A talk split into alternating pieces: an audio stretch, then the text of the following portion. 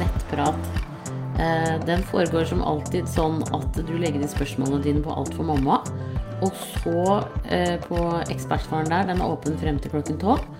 Og så eh, leser jeg opp spørsmålene, og så svarer jeg fortløpende. Og så etterpå så tar jeg limer URL-en fra Facebook inn på i svarene, slik at det er lett å finne. Og regelen er som vanlig, det er ikke noen spørsmål som er for dumme, og jeg svarer etter beste evne. Og når jeg ikke har svaret, så jeg, googler jeg det, og så legger jeg det inn etterpå. Jeg har, har mine trygge og gode nettsider som jeg går til for å finne gode svar. Um, og så er det også sånn, dessverre, at jeg uh, har gjort dette gratis nå i to år. Og kan ikke fortsette med det gratis lenger. Så hvis du har lyst til å støtte meg med en VIPS, så er du hjertelig velkommen til det. Uh, og jeg kommer til å legge inn det VIPS-nummeret nederst i svarene. I tillegg så ligger det en artikkel på forsiden på Alt for mamma hvor det også er sånn QR-kode. Så jeg må dessverre be om penger. Kjipt, men sånn er. Beklager det. Men da begynner vi. Da er det Jente24 som sier Hei, Siri. Vil bare starte med å si tusen takk for masse gode svar. Er så lei meg for at jeg ikke visste om denne siden jeg var gravid sist gang.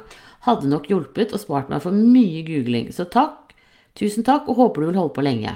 Ja, det håper jo jeg også. Men tusen takk.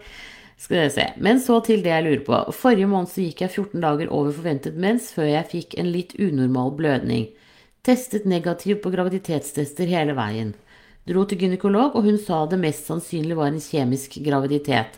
Men nå har den nesten samme skjedd igjen måneden etter. Jeg er nå 16 dager over forventet mens og har masse symptomer. Litt annerledes denne måneden her. Noe mer stikninger på én side. Må tisse ofte når jeg ligger.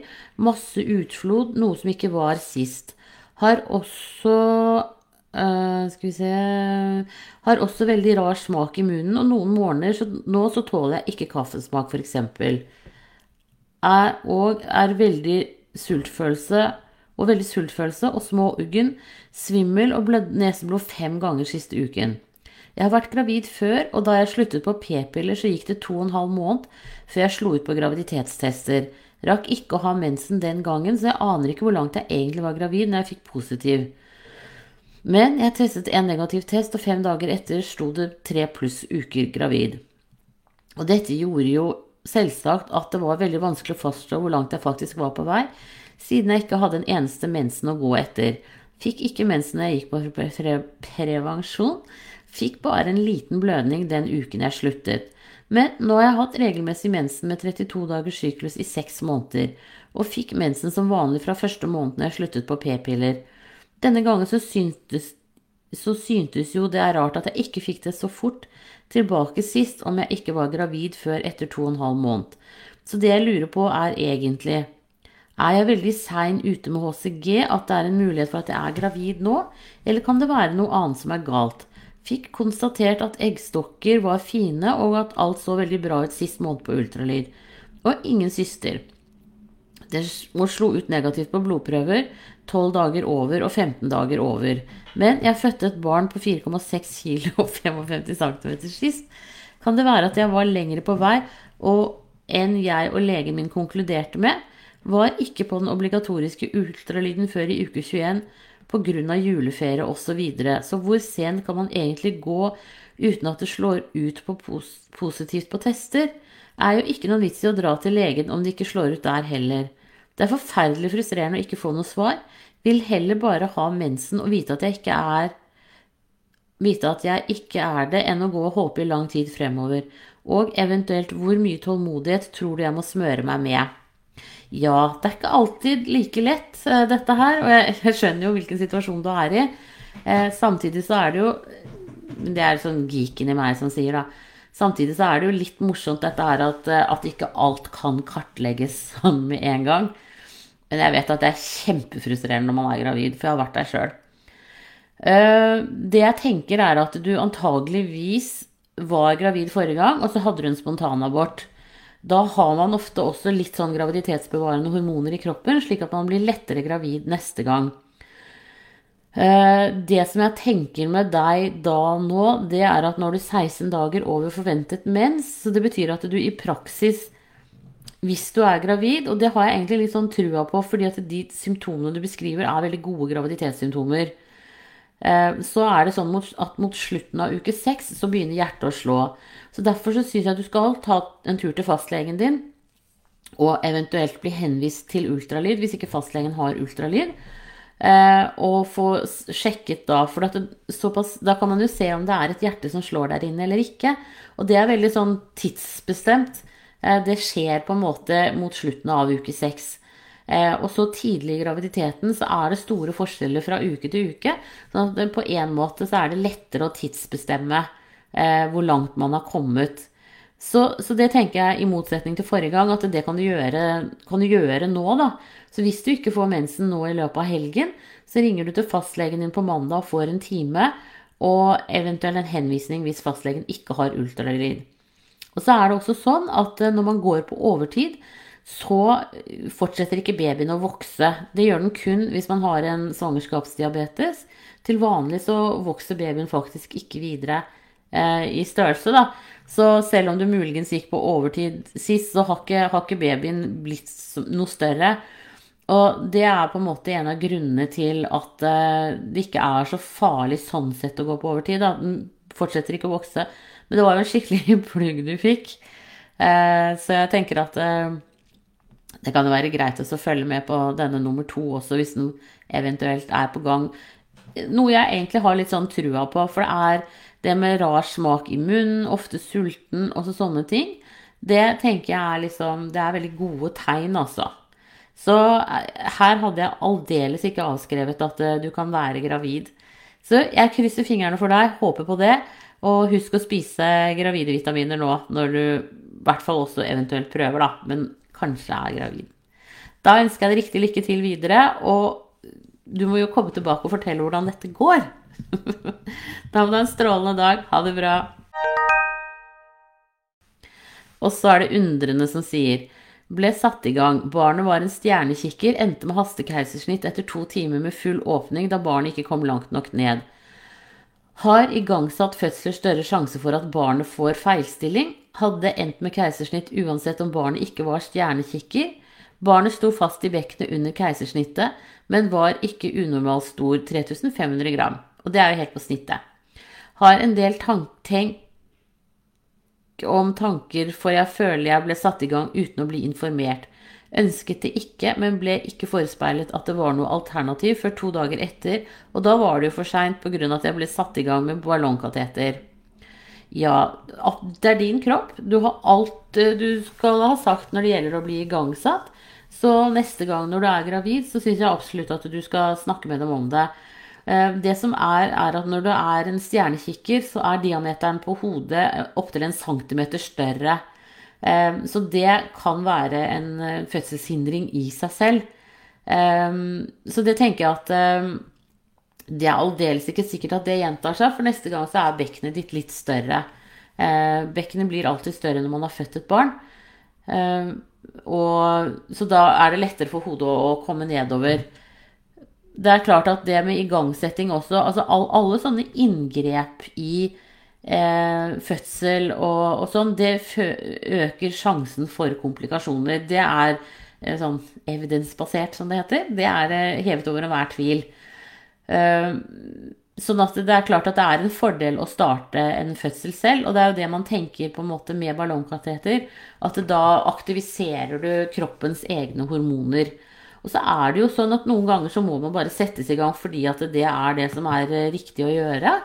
Eh, så, så dette er en avveining. Men det er, det er, på en måte en sånn vurdering som du definitivt skal være med på å ta eh, også selv. Det er ikke noe som bare skal foregå over hodet på deg. Så hvis de bruker ord og, og sånn som du ikke skjønner, og så må du alliere deg med kjæresten din eller en eller annen som er med på fødselen, sånn at dere liksom sier at ja, men vet du hva, dette her skjønner vi ikke. Hva er det du sier nå?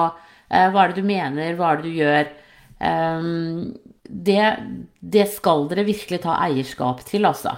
Eh, og jeg vet at det er veldig lett å bli overkjørt. For dette, sånn er vi. Vi blir liksom litt sånn passive når vi kommer inn på sykehus. Ja, så blir det. Det er ikke noe lett, det der. Men tenk deg liksom at dette er din kropp. Det er ditt barn det handler om. Eh, og kjæresten din sitt. Og det er viktig på en måte at at, det, at du er med på det.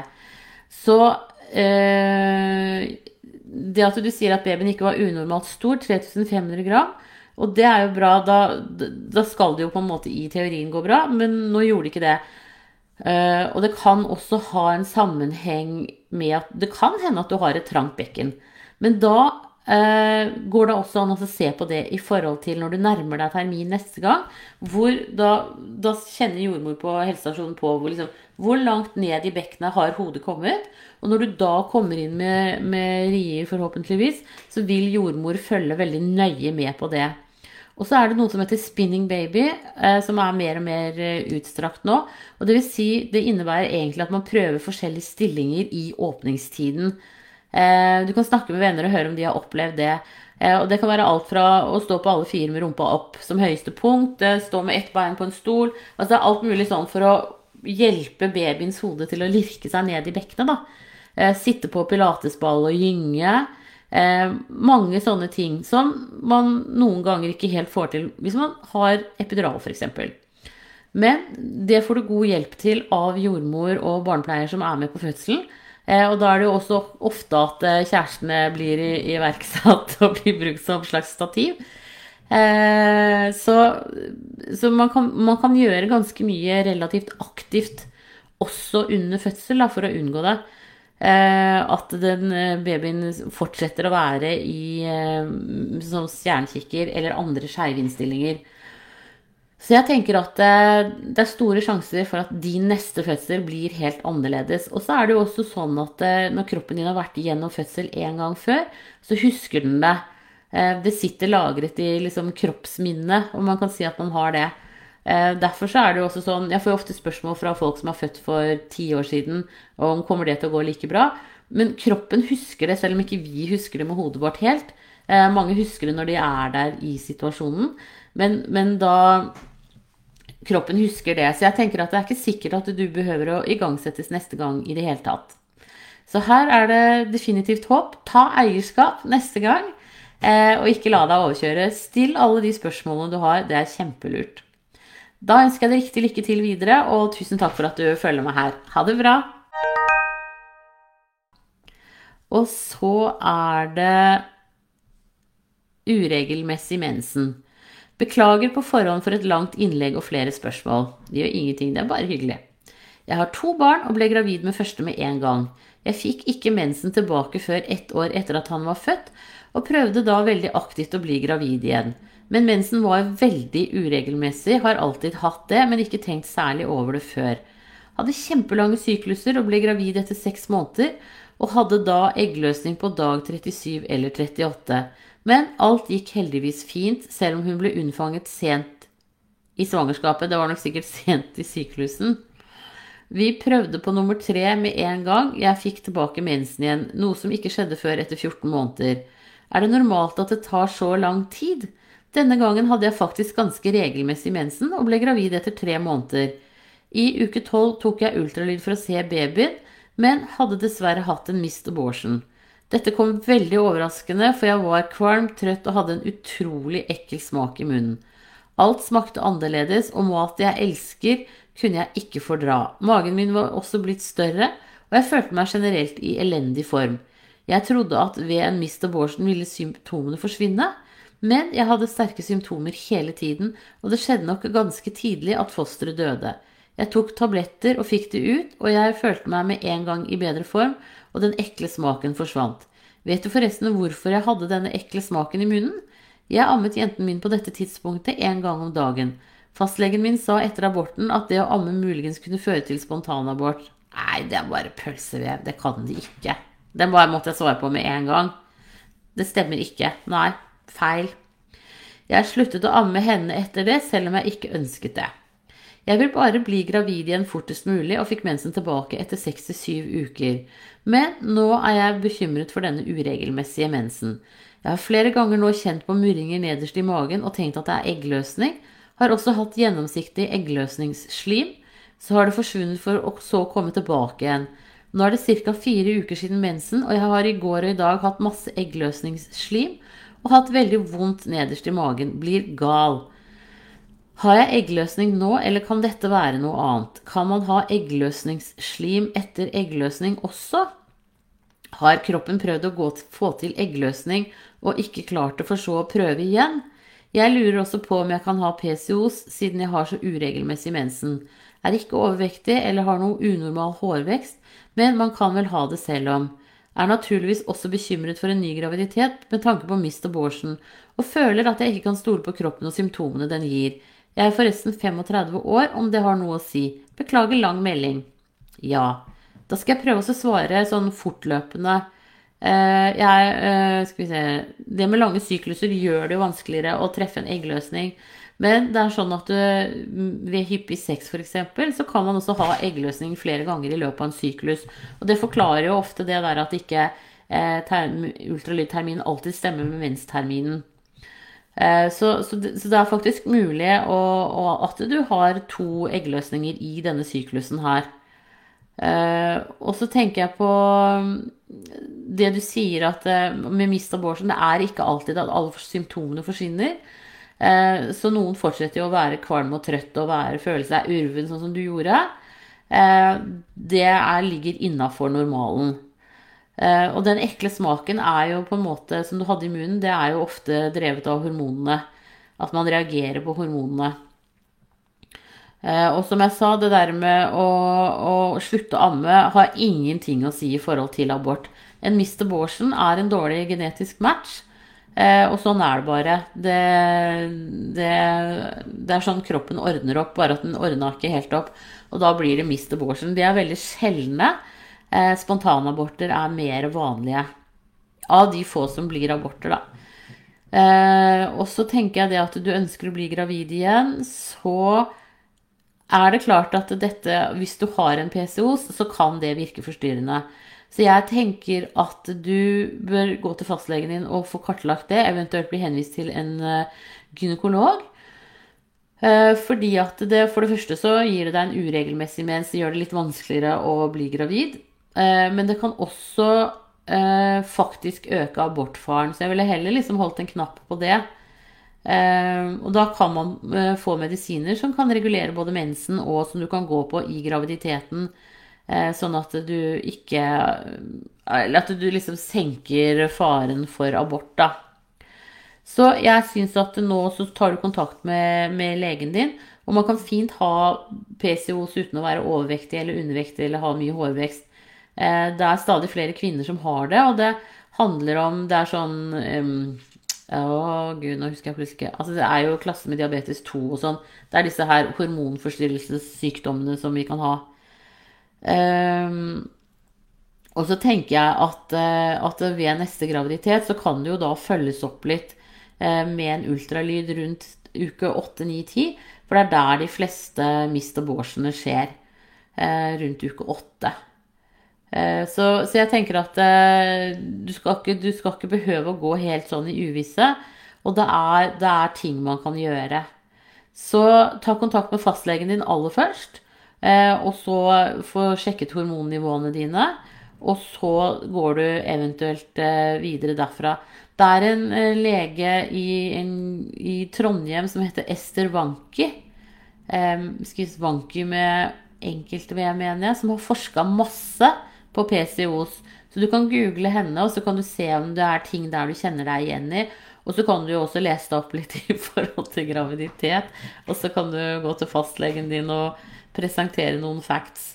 Ehm, det er også sånn at hvis man har PCOs, så sparer man jo på eggene sine, slik at man kan bli gravid i høyere alder enn eh, folk flest. Så det er den positive siden med PCOs, da, for å si det sånn. Da ønsker jeg deg riktig lykke til videre, og tusen takk for at du følger meg her. Ha det bra! Og så er det hastverk som sier Hvor lenge er det før livmora gror etter keisersnitt? Fikk beskjed om å måtte vente to år før jeg forsøkte å bli gravid igjen, men er da 42 år. Eh, jeg trodde det var ett år man skulle vente. Kan du ikke snakke med gynekologen hvis ikke du har en gynekolog, så må du få det. Eh, og høre om det, fordi at eh, det kan jo være Jeg er jo enig med deg når du er 42 om to år, altså 40 nå, da. Så har du litt dårligere tid. Så sjekk det med gynekolog, eventuelt eh, på sykehuset som du sogner til. Eh, og få en vurdering i forhold til en ny graviditet. For det, altså, det, kan jo være ting som gjør at de anbefaler to år for akkurat deg som ikke jeg kjenner til. Eh, så derfor så sjekk det. Ja, det tenker jeg du trygt kan gjøre.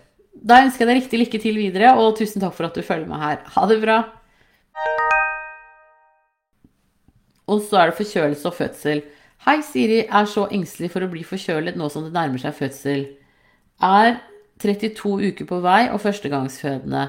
Er det sånn at partner ikke får være med på fødselen dersom jeg eller han er forkjølet grunnet koronaviruset? Han testet seg tidligere denne uken for korona som var negativ, da han begynte å kjenne seg litt sår i halsen.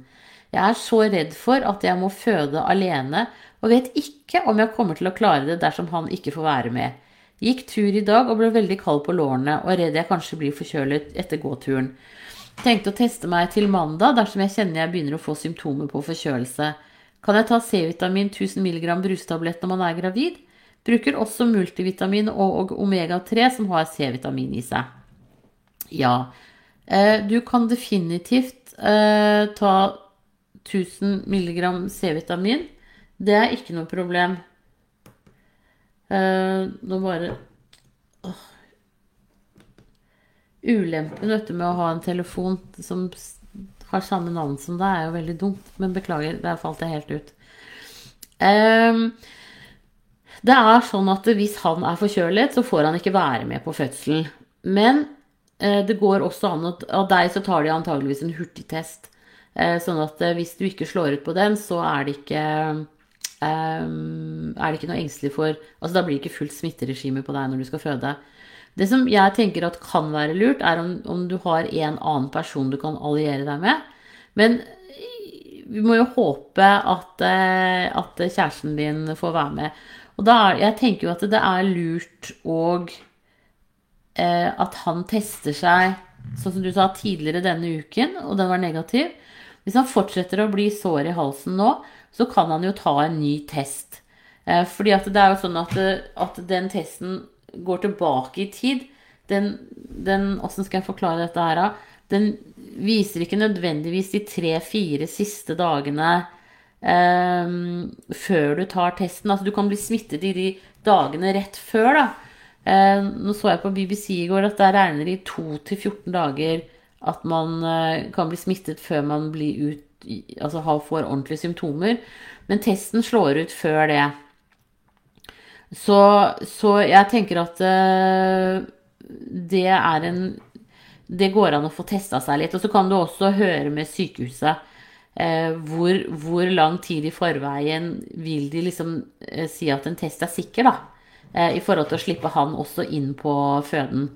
Så det tenker jeg det går an å bare ringe til føden og spørre dem om. Og så tenker jeg at eh, dere kan godt ta 1000 mg C-vitaminer begge to. Eh, når du kjenner at du holder på å bli forkjølet, så kan du godt ta fire tabletter i løpet av dagen. Eh, men ellers liksom ta jevnt 1000 en gang i døgnet, eller 500-500. Altså brekk den der i to. 500 om morgenen og 500 om kvelden. For et overskuddet, det tisser du jo ut gjennom urinen. Så jeg tenker at, eh, at, det kan være lurt for dere begge to å gjøre det. Supert at du tar multivitaminer og omega-3. Eh, tran også lager de jo en studie på nå. Eh, kan også ha forebyggende effekt, kanskje. Men nok til at det er, er, liksom vel verdt å prøve, da, tenker jeg, når man er liksom så nærme termin som du er nå. Så kjøp tran til dere begge to, eh, og ta anbefalte doser med det. Og så ring fødende og så bare snakk med dem og spør. Og så får du prøve å knipe igjen til dere er eh, mindre forkjøla, begge to. Og som du sa, ikke, sant? ikke bli kald, ikke gjør liksom de tingene som gjør at du kan bli forkjølet, og hold dere isolert. Det tenker jeg også er veldig lurt akkurat nå opp mot termin. Det er kjedelig med den coviden, altså. Det er det ingen tvil om. Det ødelegger mye på mange nivåer. Som vi vel ikke hadde kunnet forespeile oss uten at vi var her. Men mor slipper i hvert fall garantert inn, det er det ingen tvil om. Og så sjekk det der med tester i forhold til far, altså. Da ønsker jeg deg riktig lykke til videre, og tusen takk for at du følger meg her. Ha det bra! Og så er det traumatisk opplevelse som sier er det veldig vanlig at jordmødre ikke spør om rier, hyppighet og intensitet, smerter osv. Hadde jevnlig tilsyn av jordmor, men var aldri spurt om noe av dette. Fikk ingen hjelp til å forstå hvor jeg var i fødselsforløpet. Opplevde i grunnen bare å få kjeft for at jeg ikke klarte å ligge på senga. Klarte å få forklart hvordan det kjentes. Men bare mas om å prøve ikke-medikamentelle tiltak jeg heller ikke klarte. Trodde ikke jeg hadde skikkelig rier, for det var vondt hele tida. I ettertid har jeg fått forklart at jeg antagelig hadde rier uten pause i ca. et par timer. Kjenner meg så naiv og dum som trodde at jeg skulle få støtte, hjelp og omsorg. Bare beskjed etterpå om at av og til måtte de være litt strenge. Fikk ikke ha mannen min på plass før jeg var i aktiv fødsel pga. covid-19, og var så redd for å miste barnet, for jeg fikk beskjed om at det var låg fosterlyd. Men jeg klarte bare ikke å ligge så de fikk målt den igjen. Ja, dette heter på godt norsk eh, dårlig fødselsomsorg. Eh, så jeg syns du skal skrive et brev til den fødeavdelingen hvor du har født. Og så skal du si at dette her eh, ikke var bra. At eh, du opplevde at riene ikke ble målt, at du ikke ble spurt om noen ting, og at du bare fikk kjeft. Sånn skal det ikke være i det hele tatt. Jordmor skal sette seg inn i din situasjon. Hun skal fortelle hva det er som skjer. Hun skal fortelle deg hvor stor åpning du har. Um, så her tenker jeg at, uh, at det, det, brevet skal du skrive, og eventuelt få en samtale. Det er ikke sikkert at den jordmora er en innertier å snakke med, men en, en av de andre, eventuelt avdelingsleder. Uh, for sånn skal det ikke være, altså, i det hele tatt. Du har eh, nok dessverre blitt litt traumatisert på, på grunn av dårlig jordmor. Eh, tenker jeg vi kan si her. Så sånn Det skal ikke være sånn. Eh, og hvis dere kommer i en sånn situasjon når dere er i fødsel, så be om å få snakke med avdelingsleder underveis. Det er helt lov. Eh, det går også an å be om å bytte jordmor, fordi at eh, noen ganger så har man jo ikke kjemi. Eh, og som regel så er det nok jordmødre på jobb til at man kan bytte og få en annen en som man kanskje prater litt bedre med. Så det må du huske på til neste gang, at, eh, at eh, du i hvert fall kan be om en annen jordmor hvis du får en du ikke kan prate med. Men, men nå er jo gjort gjort. Du har født, og det var en dårlig opplevelse. Så da tenker jeg da kan man gjøre alt man kan for å, å, å få det bedre. Og hvis du hadde god kommunikasjon med jordmor som du gikk til i graviditeten, så kan du også bestille eh, en eh, time med henne. Det heter eh, postpartum-samtale. Og det er liksom Partum er eh, fødsel, altså det er etter fødselssamtale. Eh, og det skal de kunne gi på alle helsestasjonene, og det er en viktig samtale. Eh, så sett ned de punktene på et brev som du sliter med, eller på et ark, da. Så kan du ha den samtalen med jordmor, og så kan du eventuelt sende inn en klage til sykehuset. Det syns jeg er, er, lurt å gjøre, altså.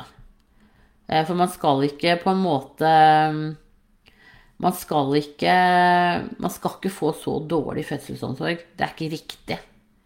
Eh, og de jordmødrene som driver på sånn, eh, heldigvis ikke mange, de kan godt få høre det. Det syns jeg. Da ønsker jeg deg riktig lykke til videre, og håper at du eh, får bedre hjelp neste gang, og at du får hjelp til å, å, og få bearbeidet den, den uh, opplevelsen her. Tusen takk for at du følger meg, og ha det riktig bra. Og så er det hormonforstyrrelse som sier hei. Håper du kan hjelpe meg litt til å forstå. Jeg har, etter at jeg sluttet på p-piller for ti måneder siden, hatt en syklus på ca. 30-32 dager, forutenom én syklus i starten på 43 dager. Vi har forsøkt å bli gravid i 7-8 måneder. Begge er 30 år. Jeg har som regel fått positiv eggløsningstest dag 16 og 17 hver syklus, og gått ut fra at eggløsning er på dag 18. Jeg var på, hos gynekolog på syklusdag 16 denne måneden bare for å sjekke. Han sa at det så ikke ut til at jeg fikk eggløsning på minst fem-seks dager. Han sa også at jeg nok lå i grenseland for PCO pga. mange små forlikler på eggstokkene. Tok òg blodprøver og fikk beskjed om at min AMH-verdi var 46, og at androgenene ikke var forhøyet. Derfor trodde han ikke at jeg har PCOS, men mulig PCO.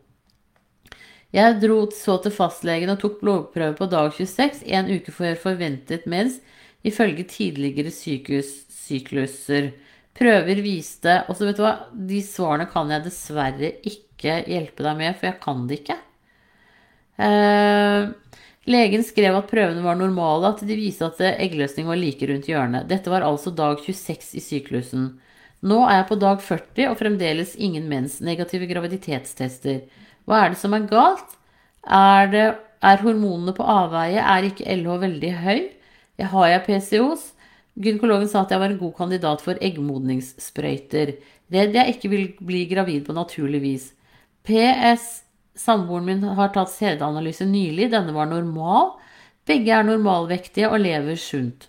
Håper på svar. Setter pris på denne siden. Tusen takk.